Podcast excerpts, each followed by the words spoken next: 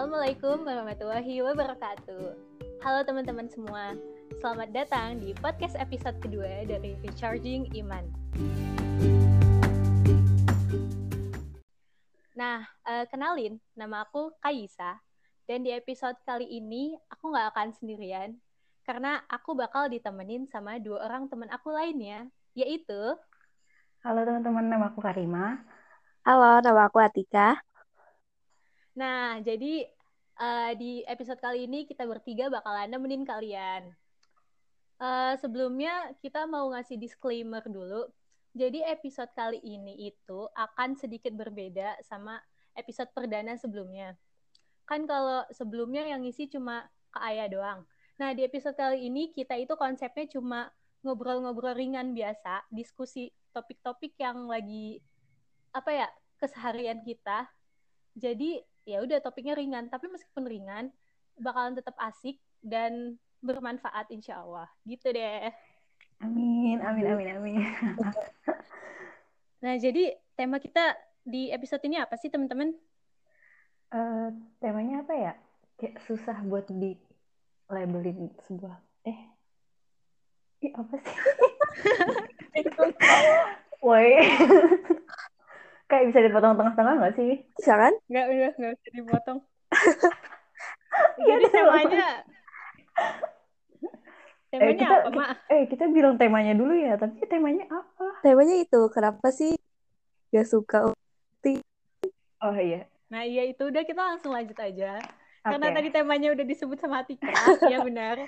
Jadi kita di episode kali ini bakalan bahas tentang kenapa sih orang-orang tuh banyak yang gak suka sama uhti-uhti gitu. Emang uhti-uhti salah apaan sih gitu. gitu deh. Terus uh, beberapa hari yang lalu aku tuh udah sempet share uh, question di story Instagram. Kalau kalian mutualan sama aku di Instagram, mungkin kalian lihat questionnya Uh, terus lumayan banyak yang ngasih tanggapan karena aku paksa aku PC satu-satu. nah jadi sekarang kita mulai bacain aja tanggapan-tanggapannya ya. Uh, yang pertama tuh ini aku kelompokin jadi beberapa tipe karena intinya sebenarnya sama. Yang pertama gini, ada yang bilang uh, cantik tapi lebih cantik kalau pakai hijab itu perkataan yang sering banget aku dengar gitu kata temen aku terus suka nyinyir kalau ada orang yang buka hijab dan suka ngomentarin atau judging busana orang lain Beh. kita bahas yang pertama dulu gimana oke okay. yang tadi kalian pernah punya pengalaman kayak gitu gak sih eh nggak mungkin lah ya mungkin kan kita berjuang ya Nggak, oh, cuman, iya. Uh, cuman sebenarnya kalau kita lihat di kayak di Twitter gitu ya cerita-cerita orang, sebenarnya kalau menurut kalian ini nggak sih kayak nggak sopan gitu? Aku aku pribadi sih aku nggak pernah gituin orang ya. Iya tapi cuman kayak kalau misalnya aku ada di posisi orang itu dan dibilang kayak eh lebih cakepan pakai hijab deh gitu. Mungkin sakit kalau aku sensi, iya mungkin kalau aku sensi aku bakal sakit hati sih. Soalnya itu iya. pakai jilbab meskipun kewajiban kan tetap pilihan orang ya walau gimana. Iya orang-orang juga pasti mikir mikirnya tuh kayak apa ya susah banget gitu kan buat nanti itu keputusan gitu besar gitu nggak sih? Soalnya iya, penampilan ya, tuh yang paling dilihat sama orang-orang kan. Dan kalau penampilan kita berubah itu tuh langsung orang-orang tuh kayak ah kenapa ini orang? gitu. Ya, ya, bisa bener. jadi dijauhin temen. Bisa jadi ya pokoknya hidup berubah deh cuma gara-gara penampilan doang. Soalnya kayak kalau terus juga kalau kita ya kita bertiga kan dari kecil emang udah di keluarga kita udah bikin kita pakai jilbab. Tapi kan ada banyak loh orang yang di keluarganya itu ya, dari kecil ya emang gak dididik untuk pakai jilbab terus tiba-tiba dapat statement kayak gitu kan gak enak banget. Nah iya ada bener, juga yang emang dari keluarganya nggak ngedukung kan. Iya. dan untuk pakai jilbab pasti susah banget bagi mereka. Terus habis itu lingkungannya ada yang ngomong kayak gitu lagi cakupan pakai jilbab. Ya Allah. Pasti itu kayak kalau misalnya kalau aku mungkin ya mungkin aku bakal mikirin terus kali ya itu kata-kata orang-orang kayak gitu. Ya itu toxic sih. Ya nggak sih? Oke kita lanjut yang kedua yang apa yang tadi, tadi yang suka nyinyir kalau ada orang yang buka hijab dan suka ngomentarin atau judging busana orang lain. Ini ini banyak banget yang ngomong ini. itu maksudnya gimana sih? Jadi kita ngejudge orang yang lepas jilbab ya? Iya, eh, pernah nggak sih punya temen yang kayak cuma pakai jilbabnya di sekolah doang, Oh, terus iya, habis itu uh. lagi hangout atau lagi nge-mall nggak pakai jilbab, lepas jilbab atau misalnya foto di sosmednya nggak pakai jilbab tapi nyatanya pakai jilbab itu kan Ah, banget. Iya.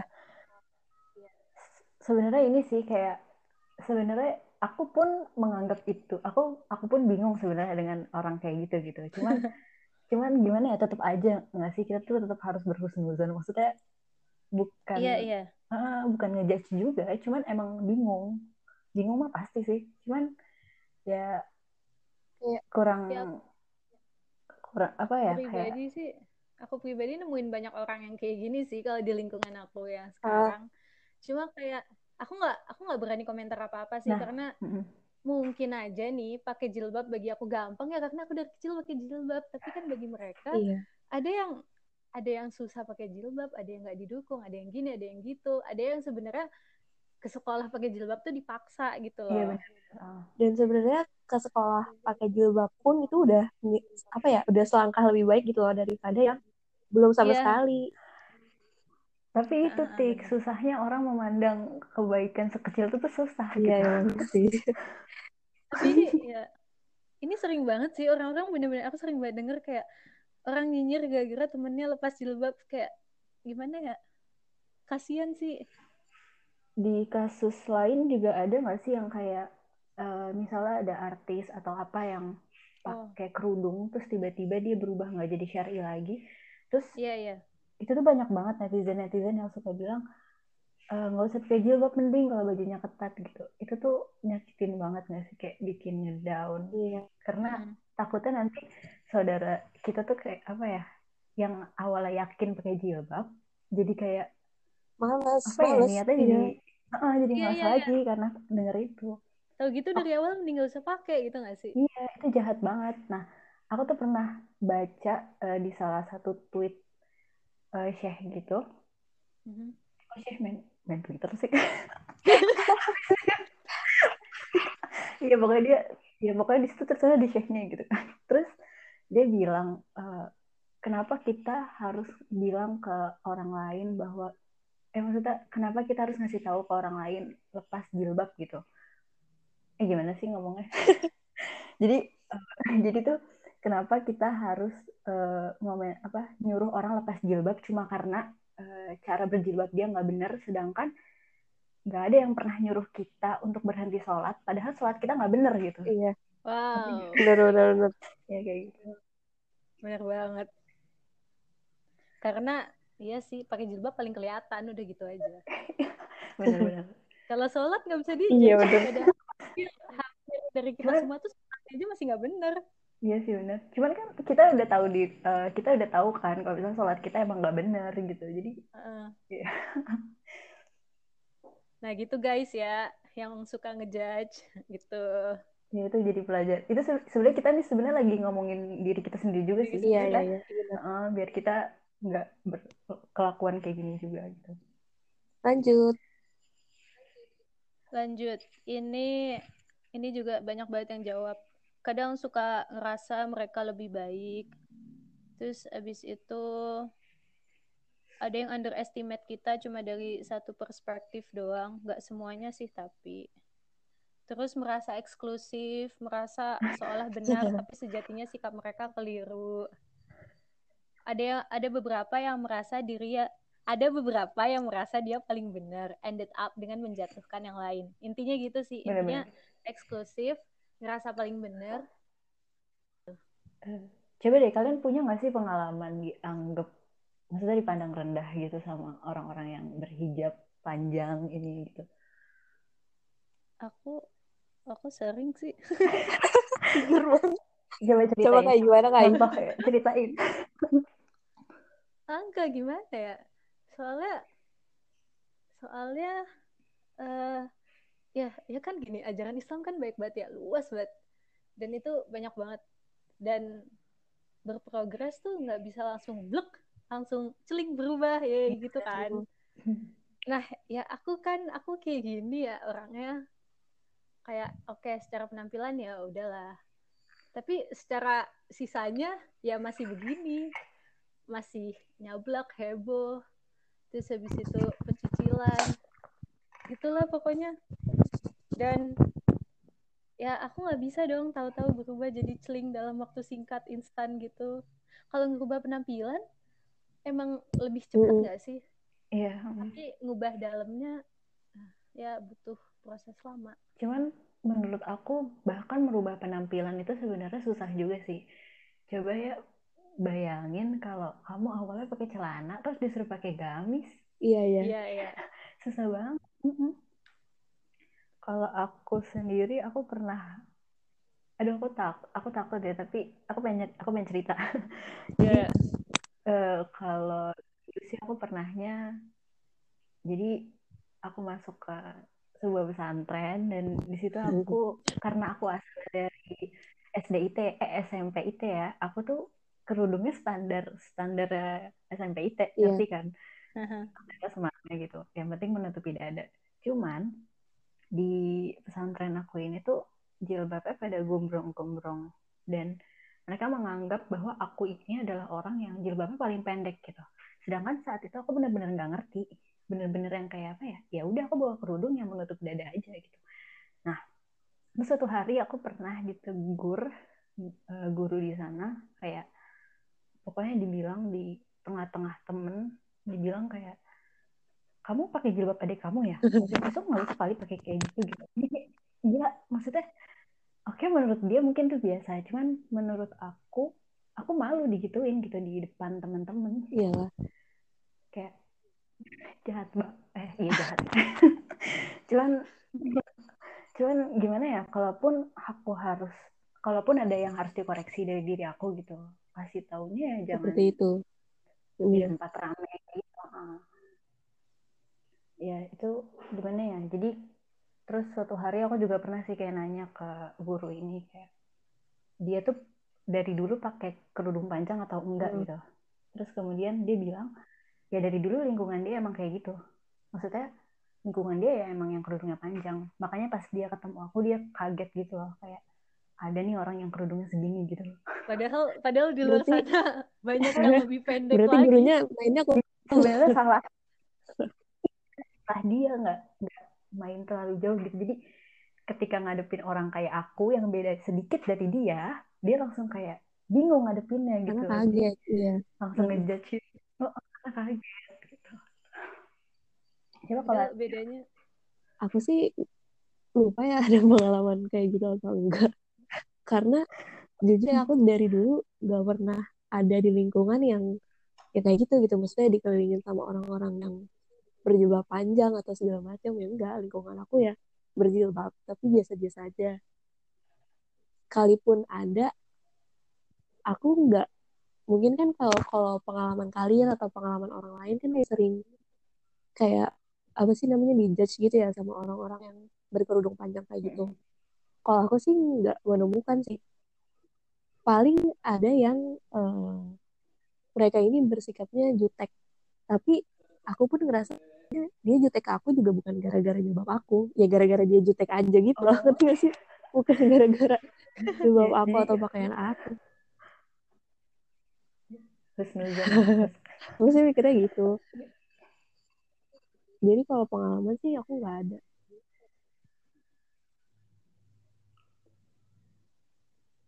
Oke, kita lanjut ya. Uh, nih nih, aku yakin sih mereka nggak bermaksud gitu tapi aku ngerasa dia mentang-mentang kayak gitu bisa ngeguruin orang lain tapi dengan cara yang bisa dikatakan kurang benar jadinya bikin ill feel bener sih bener jadi uh, cara negur mereka tuh bikin kita jadi beranggapan negatif dan yeah, jadi yeah. males gitu loh untuk berubah gitu karena ya cara negur aja salah gitu kalau kalau menurut kalian cara negur yang salah tuh yang kayak aku gimana? sering itu tadi yang eh, apa gimana. Aku sering dapat cerita ya dari teman-teman aku nih yang di kuliah. Kayak teman-teman SMA-nya teman-teman SMP-nya yang baru berkerudung panjang atau istilahnya baru berhijrah kayak suka tiba-tiba nasehatin pakai hadis gitu loh. Kan itu dan itu tuh kayak ayat pakai dalil gitu. Kan kayak nggak orang ketika mendengar satu dalil terus mereka langsung merasa apa ya merasa bisa untuk patuh gitu dengan dalil itu. Harus apa sih namanya?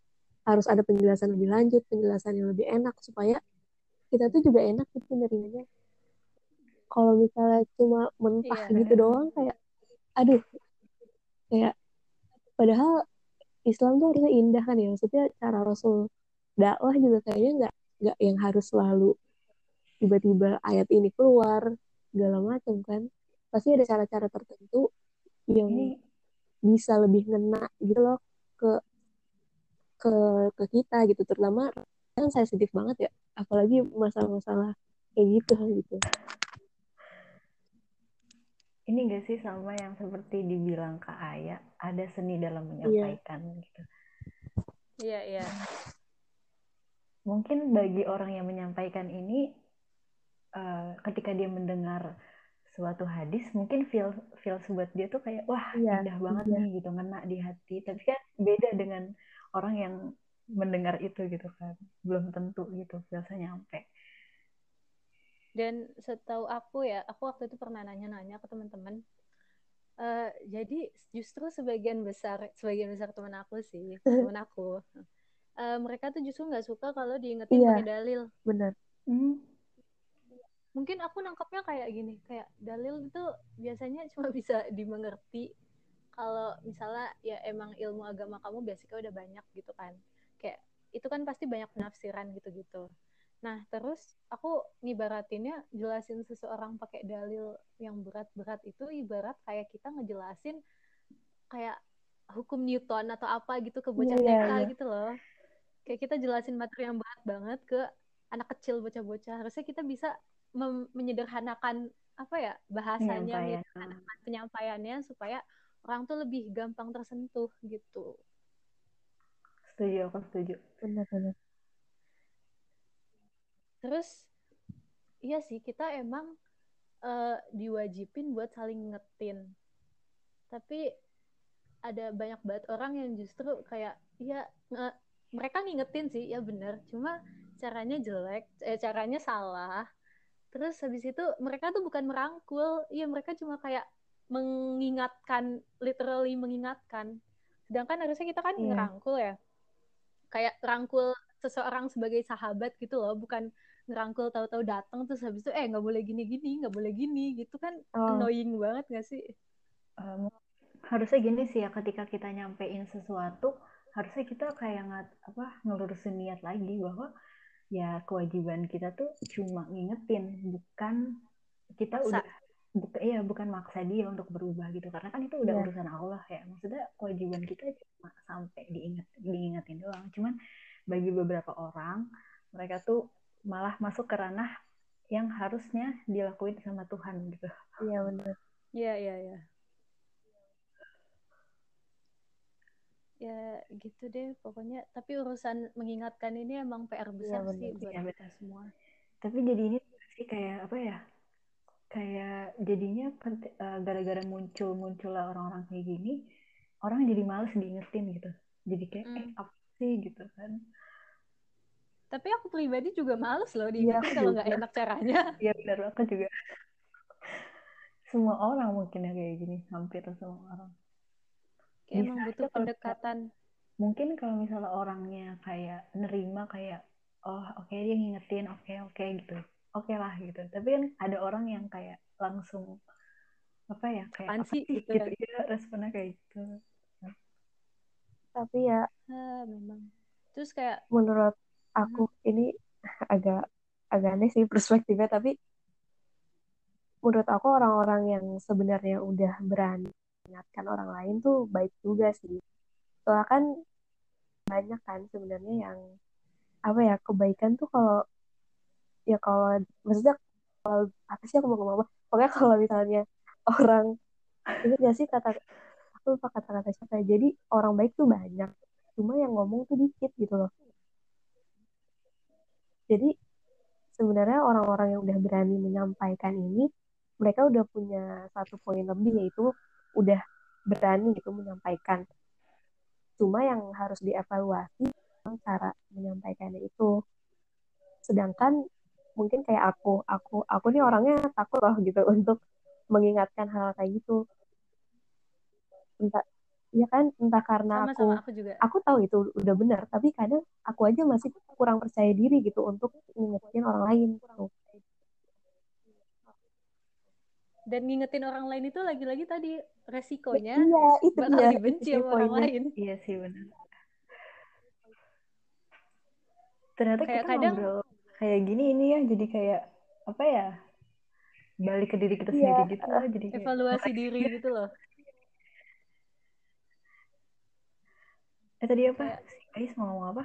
Nggak kadang tuh sebenarnya ada juga orang yang emang cara penyampaian ngingetinnya udah bener tapi karena eh, apa sih orang yang diingetinnya ini bebal juga jadi kayak ya semua pokoknya semua yang dalam konteks mengingatkan dianggap tuh langsung benar. enggak enggak enggak big no iya. jelek cancel gitu mungkin karena dia beberapa kali ngalamin itu kali ya apa diingetin yang dengan cara yang salah gitu jadi udah trauma duluan kalau diingetin gitu jadi langsung Iya. menolak jadi kayak generalisasi Iya, duluan gitu Iya, loh. Berarti ya emang harus kedua si apa kedua orang ini maksudnya dari yang menyampaikan sama yang disampaikan apa sih yang menerima penyampaian iya itu jadi maksudnya kita kita sama-sama harus saling koreksi gitu bahwa yang perta ya kita yang menyam- mau menyampaikan harus koreksi gimana nih cara nyampaikan yang baik dan yang mau menerima juga harus siap menerima Iya, apa benar. gitu dari iya iya benar gitu. Dua pihak sih emang Tapi ini gak sih kalian pernah denger, eh, jadi aku pernah baca di tulisan salah satu postingan gitu, dia bilang bahwa kalau kita terhadap orang lain itu harus lembut, sedangkan kalau sama diri Pernah, sendiri itu iya. harus keras. Jadi, jadi apa ya, kalau kita keras ke orang lain, kayak salah dalam menyampaikan gitu kan, contohnya, orang yang menerima penyampaian kita ini jadi kayak, apa ya, ngerasanya ya dia bukan diingetin sesuatu yang baik tapi merasa lebih dijudge nggak sih ketimbang Ya karena orang gitu. ingetnya tuh jadi cara nyampeinnya gitu loh, bukan isi apa yang disampaikan. Heeh, bener-bener Heeh. jadi langsung nolak gitu makanya itu sih jadi sebenarnya yang harus kita tahu ini jadi dua Oh iya, ini bener. Heeh, Kayak kita aku, harus aku ada guru nih di sekolah ada guru eh, kalau aku nggak bakal nyebut eh, kayak gimana ya pasti anak sekolah aku tahu langsung. Jadi guru ini itu emang cara penyampaiannya kurang baik. Apa ya kayak ngomongnya tuh pedes gitu loh. Tapi sebenarnya karena aku pihaknya netral gitu ya karena aku aku nggak dalam ranah orang yang disindir sama dia gitu loh. Jadi aku bisa menerima ini dengan baik. nah setelah aku eh, amatin isinya pokoknya isi ceramah dia dia dia tiap pertemuan satu ceramah. Jadi bener-bener kayak kita nggak belajar cuy. Kita ceramah. Dia ceramah beliau ceramah. Nah jadi isi ceramahnya ini sebenarnya bener. Dan emang bagus gitu loh. Tapi karena orang-orang udah nggak suka duluan sama dia bener-bener nggak sukanya tuh kayak oke nggak skip skip kayak gitu. Jadi semua yang dia sampein tuh nggak ada yang diterima sama anak-anak. Padahal aku kayak eh sedih banget dah padahal ini yang disampaikan bener banget harusnya emang kayak gini kayak gini kayak gini jadi bener-bener setiap beliau keluar kelas terus langsung kayak semua anak langsung menghujat gitu ya Allah padahal bener-bener itu tuh emang kalau disampaikan dengan cara yang bagus itu mungkin orang-orang bakal Karena- terima Iya kan ya, orang tuh ngeliat berarti akhlaknya dulu, baru apa yang diomongin gak sih? Mm-mm. Iya, berarti itu sih. Jadi tadi balik lagi ke apa ya? Kita harus saling sama-sama memperbaiki diri biar apa ya? Jadi kayak ya kalau ada orang yang keras ke kita, kita oh sabar gitu. Jadi Mm. iya gitu deh. Lanjut Kai. Oke, lanjut ya. Selanjutnya eh ini ini masih satu tema ya. Ada beberapa beberapa respon yang kayak gini. Kalau ada yang bilang nggak malu sama jilbabnya terus suka sebel sama orang-orang yang judge aku kalau pakai gamis hijab panjang artinya udah jadi orang yang bener gitu. Hmm. kayak sebel gitu nggak sih? Padahal kan nggak semua orang yang berhijab panjang orang yang udah benar. Mungkin aja orang itu lagi proses kan? Atau mungkin emang nyamannya dia itu pakai pakaian kayak gitu. Suka sebel aja gitu pengen temenan sama orang yang biasa-biasa aja jadinya. Eh, itu ini gak sih? itu berarti gitu ya dari ya perspektif orang yang pakai jilbab dan gamis panjang gitu ya? Panjang. Oh iya. Ya, jadi kayak temen aku ini ya emang udah pakai jilbab sama gamis panjang cuma Iya jadinya labeling ke ke diri dianya gitu loh. Kayak pasti kalau gamis panjang dan gini-gini orangnya alim terus habis itu orangnya tuh Islamnya strict terus habis itu uh, ya pokoknya gitu deh suka ngingetin bacot gini gini gini gitu. Cuman Terus ini sih ya. akhirnya gini loh kayak ya kayak kita juga gak sih? Jadi kayak kita tuh dikepung sama dua kubu. Oh iya iya. Jadi di judge-nya tuh sama dua kubu. Circle ada kubu sendiri orang, tadi. Ya ada circle orang-orang yang udah lebih baik dari kita uh. ngejudge kita yang masih gini-gini doang. Ada circle orang yang yang biasa-biasa aja yang enggak yang bukan ya bukan uhti-uhti hijrah gitu jadi ya udah kita kita bingung aja gitu mau gimana. Ini gak sih sebenarnya temen ini temen aku kemarin juga ada yang cerita. Dia dia kan ini ya sekolah di yang tempatnya itu kerudungnya panjang-panjang gitu. Jadi mau nggak mau dia harus pakai kerudung panjang juga. Cuman dia udah nyaman sih dengan gayanya yang itu. Terus hmm. dia satu hari nggak pakai manset. Dan hmm. itu dianggap sama teman-temannya kok nggak pakai macet hmm. sih kamu kan alim gitu. Hah? Maksudnya nggak enak gitu loh udah dilabelin alim terus ketika kita ngelakuin satu kesalahan itu pasti kayak dipandang salah banget gitu. Padahal sebenarnya itu nggak salah-salah banget. Salah sih itu, cuman itu, itu mindset doang gitu. Kalau iya, pengalaman kalian gimana? Pernah nggak sih dicap alim terus di kayak gitu juga pernah. nggak sih dicap alim terus di kayak gitu juga? Oh aku pernah sih kalau aku sendiri suka kayak dibilang itu tadi kayak ih kok Karima uh, apa kerudungnya panjang bla bla bla tapi kelakuannya gini. Atau enggak ada temen yang bilang ah lu nggak tahu aja sifat-sifat jelek ke Karima gitu. Sedih. Ya, ya ya gimana ya? Kan kita manusia juga ya. Iya jadi kayak dianggapnya ya kalau ngelakuin dosa salah banget gitu. Padahal mak ya, kita sama-sama kayak... punya hak buat ngelakuin dosa. Eh nggak gitu juga sih. Nggak kayak kita tuh kayak dituntut buat sempurna banget gitu yeah. sih? kalau udah ke kecap alim oke okay, kais alim berarti yeah, ya bener-bener ya udah harus alim. Padahal ini gak sih kayak uh, misalnya ada orang yang sebenarnya dalam uh, berpakaian belum sempurna cuman dia sama-sama juga nggak suka dijudge tapi dia ngejudge mm -hmm. kita gitu ngerti gak mm -hmm. jadi padahal mereka bilang mereka nggak suka dipandang rendah cuman mereka sendiri menuntut kita untuk sempurna sedangkan kita juga nggak mau digituin. Jadi kayak ya saling menuntut. Kayak iya. Kayak kadang kayak double standard juga gak sih? Iya misalnya orang-orang yang secara penampilan belum pakai jilbab gitu-gitu dibiarin aja ngelakuin segala keburukan atau apalah itu sementara kita cuma karena kita penampilannya kayak gitu jadi kita nggak boleh ngelakuin apa kayak yang iya. buruk emang sebenarnya nggak boleh ngelakuin hal buruk sih cuman maksudnya sebel juga iya. ya kalau di apa ya di salah-salahin banget gitu terus ini temen aku yang ini tadi itu dia bilang kan jadinya dia pingin nggak main sama uhti-uhti gitu dia pinginnya main sama orang-orang yang biasa-biasa. Nah tapi masalahnya kalian pernah nggak sih ngerasa gini? Kayak orang-orang tuh nggak mau deket sama kita cuma karena kita penampilannya kayak gini. Jadi mereka tuh udah mikir duluan gitu loh udah ngelabelin duluan yang kayak tadi.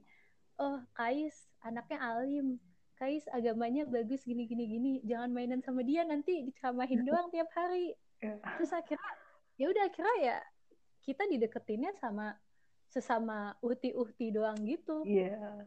jadi kita nggak bisa explore oh. pertemanan gitu ya sedangkan bentar, bentar. Sedangkan kita sebagai muslimah hmm. itu bukannya harus baur juga kan sama yang lain. Kayak kita tuh harus nunjukin kalau label yang mereka kasih tuh salah. Kalau kita tuh sebenarnya emang bisa gaul juga kita juga ya kita sama aja kayak yang lain gitu loh. Cuma berbeda di penampilan aja gitu. Iya. Kita nggak kolot juga. Iya benar-benar kalau menurut aku ya kenapa tik? Uh, awalnya orang tuh emang pasti menilai kita dari penampilan ya apalagi kalau kita kalau misalnya ada orang berjilbab uh. segala macam orang tuh pasti langsung langsung ingetnya ini orang alim gini gini gini tapi kan nanti dengan berjalannya waktu kalau emang lingkungannya bener ya kalau misalnya orang-orang ini enggak apa ya orang ini tuh harusnya harusnya sih ngelihat secara langsung gitu realitanya sikap si orang yang pakai jilbab panjang dan gamis ini emang bener-bener sesuai dengan ekspektasi dia atau enggak gitu. Jadi menurut aku pembawaan dari orang yang berhijab panjang dan pakai gamis itu juga gitu loh yang nentuin. Karena labeling tuh pasti ada, hmm. gak mungkin enggak gitu. Kalau misalnya kita ngelihat orang bertato, ya kita pasti refleks gak sih? Karena sebelum-sebelumnya udah ditanamin nih di otak kita orang yang bertato iya. begini-begini gimana kita labeling gitu. Kalau misalnya iya. dari sebelumnya ya udah terus-terusan dikomporin dengan pemikiran kayak gitu gitu. Yang harus kita lakuin tuh sebagai kalau misalnya dari ibarat kata dari pengamat luar gitu ya, ya. Harus ngeliat realitanya kayak gimana gitu. Apakah orang orang berjilbab panjang itu selalu strik apakah orang bertato itu jahat? Ya itu kan gimana ya ya kita harus melihat secara langsung. Itulah jangan men, apa ya kita telan mentah-mentah gitu loh. Label orang-orang gitu. Menurut aku sih kayak gitu. Iya, iya. tapi hmm, sebenarnya berkerudung panjang juga kayak harus jadi motivasi sih buat pemakainya buat kayak iya, iya. memperbaiki diri. Oh, memperbaiki diri. Ya, jadi PR kita sebenarnya adalah nunjukin kalau kita nggak sesuai bukan gak sesuai sama labelnya sih. Nunjukin kalau kalau kita tuh ya iya. emang kita bisa baur juga. Kita bisa temenan sama siapa aja. Tapi in the other side kita tuh tetap benar. menjaga nilai-nilai keislaman ya gak sih? Iya iya benar. Tapi ini gak sih yang tadi yang anggapan alim aku pernah dengar dari guru aku kalau kita tuh sebenarnya nggak boleh berekspektasi terlalu tinggi sama orang. Kayak apa ya kayak nganggep misalnya orang ini tuh alim banget pinter banget tapi pas dia ngelakuin kesalahan iya iya. nanti kita kecewa gitu jatuhnya. Iya iya aku sama iya. masih kayak gitu. Sebenarnya kita salah kita juga sih sebenarnya bahwa kita terlalu berekspektasi tinggi sama seseorang gitu. Secara kita secara nggak langsung tuh sebenarnya kita ngejudge tapi dalam hati sendiri gitu nggak sih? Benar. Refleks itu cuman itu tadi apa jangan uh, gimana ya kan tadi kalau ngejudge itu pasti ya maksudnya udah muncul gitu. Iya. tapi jangan dikeluarin. Iya kayak ya udah simpen aja sendiri yes, tapi nah, sebenarnya kayak gitu juga nggak baik gak sih? Iya cuman ya sebisa nggak nggak ngejudge sama sekali lah. Istighfar guys istighfar. Tapi secara jujur aku masih gitu tau sekarang kalau ngelihat kalau temenan sama orang yang alim tuh pasti mikirnya ah insya Allah ini anak tidak macem-macem hmm. tapi pas pas tahu dia ternyata melakukan suatu kesalahan terus kayak kok kayak gini sih temen aku Iya. Padahal tanamkan, kita sendiri gak mau kan gituin. Iya sih. Jadi tanamkan dalam diri bahwa iya, setiap orang, orang bisa ngelakuin kesalahan. Setiap orang punya porsi ada manusia. Iya. Iya kayak setiap orang tuh memilih dosanya masing-masing. Tapi sebenarnya anggapan kayak gitu aku kurang setuju juga sih. Karena kita jadi apa ya ngebawa ngebawa apa ya ngebawa santai. Jadi menganggap ya? remeh. Ah, jadi kita nganggapnya kayak uh, aku juga orang lain juga punya dosa gitu. Aku melakukan kan, dosa ini nggak apa-apa dong gitu. Aku nggak tahu sih ini aku atau orang lain juga. tapi kan balik aku juga gitu balik ke statement kan nggak. Kalau ke orang lain Cuman maksud aku harus lembut harus diri sendiri keras iya iya. Makanya itu tadi kalau buat mungkin kalau anggapan tadi kalau anggapan uh, orang lain punya dasar masing-masing itu biarin kita nganggap itu ke orang lain bukan iya iya. apa ya bukan bawa santai buat diri kita gitu iya benar benar ya. buat diri kita sendiri itu nggak berlaku udah. Iya nggak berlaku. Karena nah, tadi tahu, balik ya. lagi kita harus keras ke diri sendiri gitu kan. Benar banget. Hmm. lanjut ya. Ya lanjut. Ini agak panjang. Uh, gini nih. Kadang ada yang kurang open minded mereka cuma ngelihat dari sisi agama doang. Ada juga kenalan yang anak pesantren terus tadinya mau jadi psikolog tapi dia nggak jadi ngambil.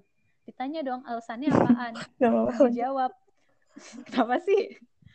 Jawabannya gitu soalnya psikologi itu ajaran dari ateis. Tik tik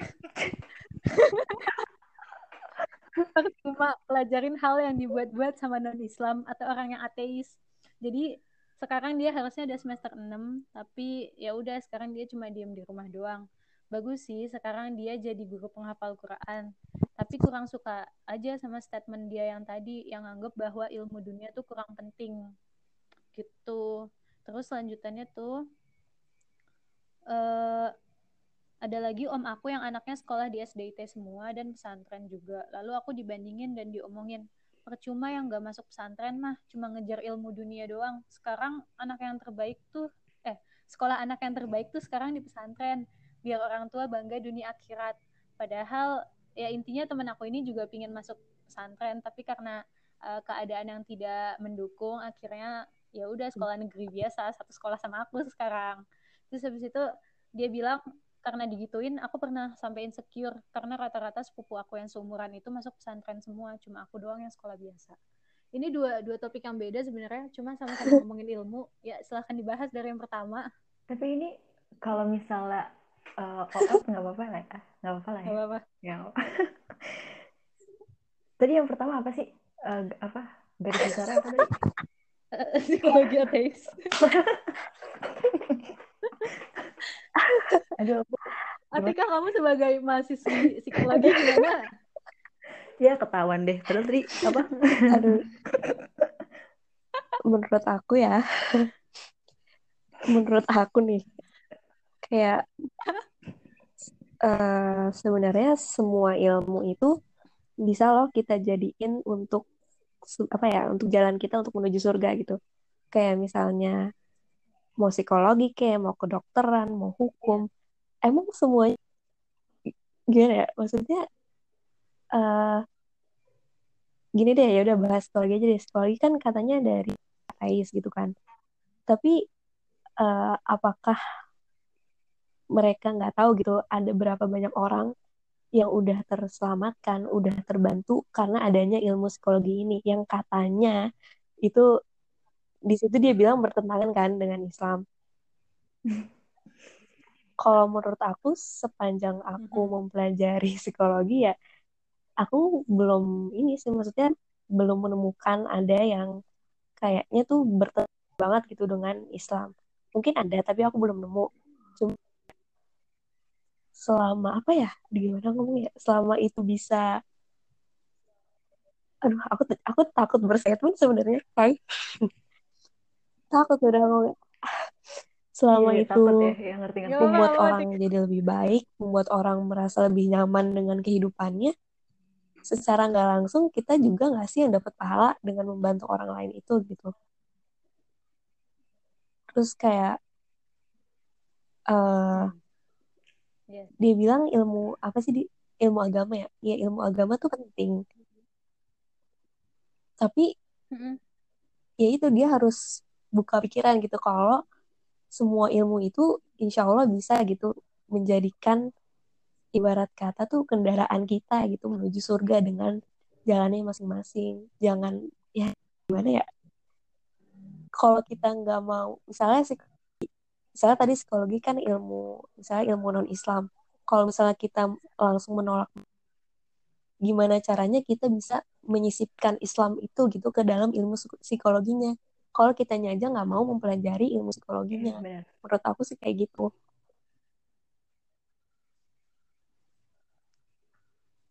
Iya sih, aku setuju sama Tika. Ya, aku juga setuju. Tapi uh, ada cerita yang sama. Uh, ini dulu temen aku pernah kayak minta saran gitu kan. Jadi dia itu pengen banget kuliah tata boga. Cuman bener-bener ditolak sama orang tuanya karena dianggap bahwa ngapain sih emang masak bisa bawa ke surga gitu kan. Mending ngapal Quran aja gitu di rumah nggak usah kuliah gitu. Menurut aku ini salah banget sih karena gimana ya? Uh, hmm oh, minat orang itu kan beda-beda ya terus juga kalau misalnya dia sama sekali nggak niat untuk ngapal kasihan aja gitu loh. Maksud aku dia harus terhenti gara-gara dia harus terhenti dari misalnya dia bakat masak dia harus terhenti dari itu gara-gara seruhan orang tuanya untuk ngapal Quran gitu. Oke okay lah ngapal Quran cuman maksudnya bilang uh, bilang bahwa masak nggak bisa bawa ke surga itu salah besar sih karena dengan cara masak uh, kita bisa buka restoran dan kita juga bisa buka lapangan hmm. pekerjaan hmm. gitu dan itu pasti bawa pahala banyak nggak sih kita buka hmm. peluang orang untuk cari nafkah gitu hmm. yeah. aku itu pikiran sempit sih ngerti nggak jadi ya ini kurang piknik aja sih mungkin Lagian kan ilmu yeah. dunia sama ilmu akhirat bisa berjalan beriringan kan? Yeah. Kayak ya kita nggak bisa klub milih bener. masak doang kita bisa masak sambil ngapalin Quran. Iya bener nah itu. Cuman tadi dia terlalu kayak apa ya kayak pikirannya terlalu sempit gitu menganggap bahwa uh, masak tuh apa ya nggak bisa ngantar ke surga gitu. Yang bisa cuma ngafal Quran. Mm-hmm. ya itu sih benar tadi bisa diiringi sebenarnya ngafal Quran dengan masak. Lagian kita juga emang dianjurkan untuk mengejar ilmu dunia juga kan mm-hmm. ilmu dunia juga ilmu ilmu akhiratnya juga. Karena kita hidup di dunia juga gitu jadi harus ada ilmunya ya. Dan aku pernah dengar kita nggak boleh kita tuh nggak boleh terlalu apa sih terlalu fokus bukan terlalu fokus sama akhirat gimana ya? Kayak kita terlalu iya, fokus iya, sama bener, akhirat sampai, sampai kita lupain urusan kita di dunia. Iya benar-benar jadi kayak bukan terhadap urusan dunia gitu loh dan hmm. ujung-ujungnya kita malah ngerepotin orang-orang yang ada di sekeliling kita gitu. Uh, Aku boleh nggak sih ngebahas boleh, boleh, boleh. dari kata-kata dosen aku ya? Iya, iya, bahas aja silakan. jadi karena jadi suatu uh, jadi dosen aku uh, itu pernah bilang bahwa salah satu faktor kemunduran umat Islam itu kita tuh jadi terlalu apa ya taklid gitu loh sama sesuatu. Jadi udah nggak berani berpikir lagi. Gimana ya dulu pas masa Abbasiyah itu kan orang uh, banyak banget ya yang ngeluarin buku, nulis, karena mereka berani buat mikir gitu. Terus pokoknya gara-gara tiba-tiba kita tuh jadi kayak terlalu mikirin urusan dunia, eh akhirat, jadi kayak ibadah terus, tapi ternyata urusan dunianya dilupakan, jadi kita jadi kayak males untuk kaya raya gitu loh, ngerti nggak? Jadi kita nggak ada usaha buat kerja gitu untuk memperkaya diri. Eh nggak memperkaya diri juga. Jadi intinya sih sebenarnya kalau kita terlalu fokus sama akhirat itu salah karena itu urusan apa ya kita jadi nggak bisa ngebantu orang lain gitu loh. Kayak ya, enggak, aku, aku nangkep aku nangkep. Maksudnya aku ngomong kayak, bingung dah maksudnya kan kayak kita ngejar akhirat ya bisa dengan memanfaatkan dunia gitu loh nggak harus mentah-mentah baca Quran sholat tiap iya. hari iya. kita kan ibadah kan nggak terus di bidang itu doang ya kan ya nah itu dia iya. jadi itu sih kalau kita nggak jadi ngomong eh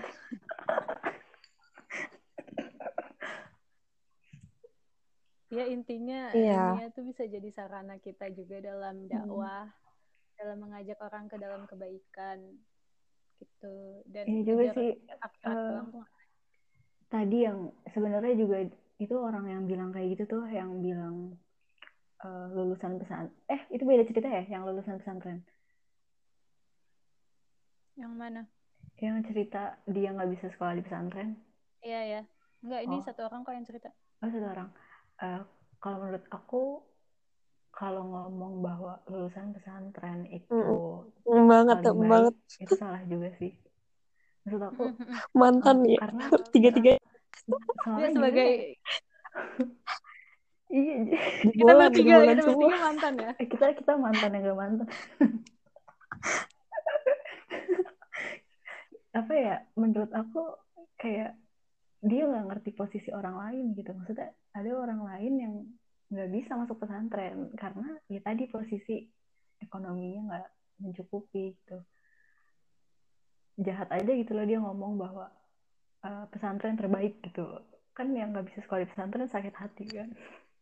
Ya lagian aku juga ngerasa output iya. pesantren ya nggak semuanya baik gitu loh ya nggak sih? Oh, benar-benar maksudnya balik lagi ke diri kita nggak sih bisa mengaplikasikan ilmu itu atau enggak dan kalau menurut aku malah gini pesantren kan emang lingkungannya homogen ya homogen secara pemikiran Islamnya gitu loh. Maksudnya kayak ya udah semua anak emang dituntut untuk menjadi Islami sesuai sama peraturan dan gitu gitulah jadi kalau misalnya kamu alim baik dan sebagainya di pesantren hmm. udah ya emang udah biasa aja gak sih Sedangkan kalau misalnya kamu alim baik, ya pokoknya sesuai ajaran agama, tapi di sekolah biasa-biasa aja, justru itu malah kayak keren gak iya. sih? Itu kan lingkungannya heterogen, lingkungannya tuh banyak yang gak mendukung. Iya. Terus habis itu tantangannya lebih besar. Menurut aku lebih keren dan orang-orang yang bisa istiqomah tapi di sekolah biasa. Itu sama kayak ini gak sih? Kayak beda dari surga iris sama wanita dunia? Ya, apa? Oh iya, benar-benar. Karena dari surga tuh udah emang udah lurus gitu dari awal. Dan akan selalu lurus.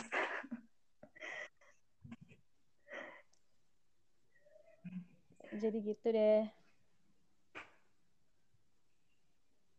Tapi aku mau nanya deh kalian ada nggak sih kayak rasa takut pakai gamis? Kenapa tiba-tiba oat gitu mbak? Iya karena itu tadi anggapan kayak gitu gitu jadi kayak takut aja kayak gamis Nah, aku pernah bilang kan aku nggak berani pakai gamis ke sebuah lembaga bimbel yang motonya maju bersama Allah. Seperti kalau ada yang les di situ ya dia ngerasa. tapi kamu tapi kamu tetap pakai maksudnya pakai rok gitu nggak? Pakai rok. Iya bang, emang kayak. Cuma pakai rok aja masih jarang gitu loh di sana. Iya ya padahal. Padahal moto... semuanya semuanya kan pakai jilbab. Motonya sangat Islami padahal. kayak aneh aja gitu. Ya aku iya, juga iya, sebenarnya juga, harus dipertanyakan diri aku sendiri sih kenapa sampai nggak berani. Iya sih, cuman itu tadi sih ya itu tadi bahwa pakai juga gamis emang susah sebenarnya.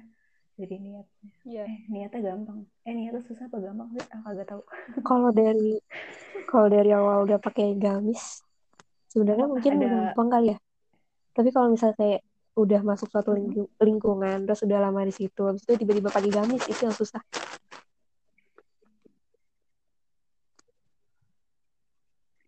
Iya iya iya benar. Terus gimana gimana bisa kalau misalnya, misalnya kita, kita masuk ke suatu lingkungan baru, terus kita dari awal di lingkungan itu udah pakai gamis, itu kan artinya orang-orang di situ nggak bakal kaget kita udah pakai gamis dari awal kan.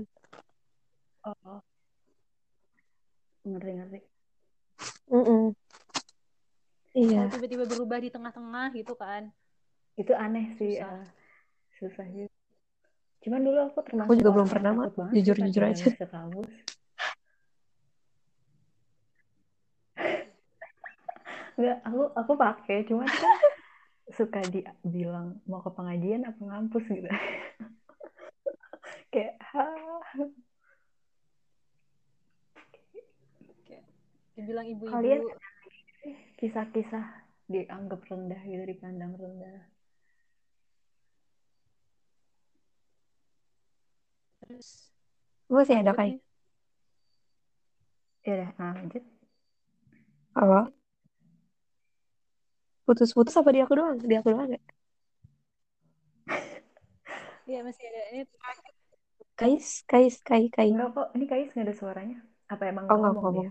kedengeran kedengeran. Enggak enggak ngomong. Kedengeran nggak? Iya kedengeran. Ini ini semacam kesimpulan sih. Ya, tapi cuma aku yang nyampein. Jadi yang pertama, banyak dari mereka yang punya pemikiran yang nggak mau diganggu gugat. Ya jadi kayak prinsip dia tuh dirasa paling benar. Terus ya lanjutannya yang kedua, sering ngerasa paling betul, paling benar, dan entah kenapa memaksakan kebenaran ke orang-orang, padahal nggak gitu caranya orang lain bakal ngikutin. Terus yang ketiga, beberapa dari mereka menetap dalam zona sucinya, padahal banyak saudara-saudara di tempat gelap yang sebenarnya bisa ditarik biar ikutan suci gitu. Eh cuman poin yang ketiga ini kadang kita aja juga nggak mau diajak ke maksudnya dalam sekadar ngingetin aja kita nggak mau nerima ya. gitu. Mak, gimana mau? Iya sih susah juga. Cuma masalahnya banyak juga orang yang sebenarnya yeah. yang mencari hidayah yang ngasih. Ya, kita nggak tahu hmm. mana yang lagi nyari hidayah, mana yang enggak. Makanya harus kita rangkul semua muanya. Oh iya sih. Tapi cuman itu tadi sih kayak kita harus banyak-banyak piknik, kita harus banyak-banyak duduk sama orang-orang mm -hmm. beda circle. Maksudnya biar kita tuh bisa ngerti gitu kan. Mereka tuh gimana sih, maunya gimana gitu. Kalau karena tau gak sih pernah kayak kaget gitu sih kalau uh, pernah ya kalau misalnya misalnya kayak ini kita di kita uh, umroh nih Terus kemudian itu kan hmm. banyak banget ya orang-orang yang cara berpakaiannya itu beda gitu. Jadi ada yang pakai tunik, terus jilbabnya cuma jilbab lempar gitu. Terus juga ada uh, apa orang-orang yang sholat nggak pakai kaos kaki gitu. Kita kan nggak bisa ngejudge ya karena ya itu mungkin pemahaman mereka gitu. Dan aku pas di sana aku kaget karena aku ngerasa bersalah juga kayak ya Allah aku pernah sempat terpikir bahwa mereka nggak benar padahal ya itu kan maksudnya pendapat yang mereka hmm. ambil mungkin hmm, hmm, maksudnya, pemahaman mereka ya ya udah segitu gitu eh, ngerti gak sih yeah, yeah. jadi aku ngerasa bersalah aja gitu ketika orang di sana tuh fokus buat ibadah cuman aku terlalu hmm. ngomongin ngomenin orang lain gitu yang sebenarnya iya uh -uh. jadi pelajaran buat aku sih bahwa ya udah maksudnya cara berkerudung orang tuh beda-beda. Iya. Gitu. Kayaknya iya. emang tiap negara beda-beda nggak sih? Iya. Iya, itu benar-benar. Makanya itu tadi kita harus banyak-banyak piknik, kita banyak-banyak keluar. Dan Tapi kita ngeliat, gitu. ada loh pendapat realitanya gimana? Bukan pendapat aku sih. uh, orang-orang yang emang memilih untuk tidak ibarat kata bersentuhan dengan dari circle yang berbeda ya bisa jadi karena mereka masih merasa prinsip mereka itu bisa terganggu gitu loh. Jadi mereka untuk sekarang memilih untuk berada di circle mereka dulu gitu yang oh. dikelilingi dikelilingi dengan orang-orang setipe, setipe mereka karena mereka takut. Takut. Gitu. Ya kalau gitu kalau orang hmm. kayak gitu nggak mau keluar, ya mereka juga nggak boleh dong kayak ngejudge. Hmm. Maksudnya iya sih benar. Ngomentarin orang dengan cara berpikir mereka. Hmm karena mereka sendiri nggak mau keganggu sama cara berpikir kita gitu kan. Jadi ya udah mending gak usah ya, dan prinsip prinsip tiap orang kan ya beda-beda kan bisa mungkin aja nih kita meyakini sesuatu ya karena kita ngerasa itu sejalan sama Al-Quran hadis dan lain-lain jadi kita ngerasa paling benar kan. Tapi bagi orang lain dengan oh, background oh, yeah. yang berbeda ya itu nggak nggak sebenar yeah, yang kita pikir gitu loh bisa aja bagi mereka salah dan kita nggak bisa iya. maksain yeah. itu ke mereka meskipun karena kita acuan mereka ya bukan itu gitu tapi mm. Iya, benar-benar. Juga kemampuan masing-masing sih menjalani apa ya kayak belum tentu orang itu mampu gitu ngejalani apa yang udah kita jalani apaan sih Iya ya, kayak aku dulu pernah bahas kan struggle tiap orang tuh beda-beda yeah. dalam berhijrah. Kayak misalnya bagi hmm. kita, bagi kita nih sholat lima waktu tuh biasa aja kayak ya udah gitu-gitu doang. Tapi ternyata untuk orang-orang lain itu tuh hmm, susah hmm, hmm. buat bisa lima waktu doang tuh susah. Padahal bagi kita doang gitu loh. Terus ada yang uh, menurut orang lain pakai gamis tuh gampang, tapi ada juga yang nganggep pakai gamis tuh susah banget, perjuangannya berat jadi kayak kita sama hmm. sekali kita benar-benar nggak bisa ngejudge siapa pun karena setiap orang punya struggle ya masing-masing kita nggak tahu cerita apa hmm. yang ada di balik uh, penampilan mereka yang sekarang gitu deh iya iya berarti balik lagi nggak sih jadi kayak apa ya hmm. ya kita harus banyak-banyak hmm. ngobrol sama orang lain gitu biar kita tuh aku pribadi apa aja sih aku pribadi dulu tuh termasuk kategori ukti-ukti nyebelin gitu Gimana kan?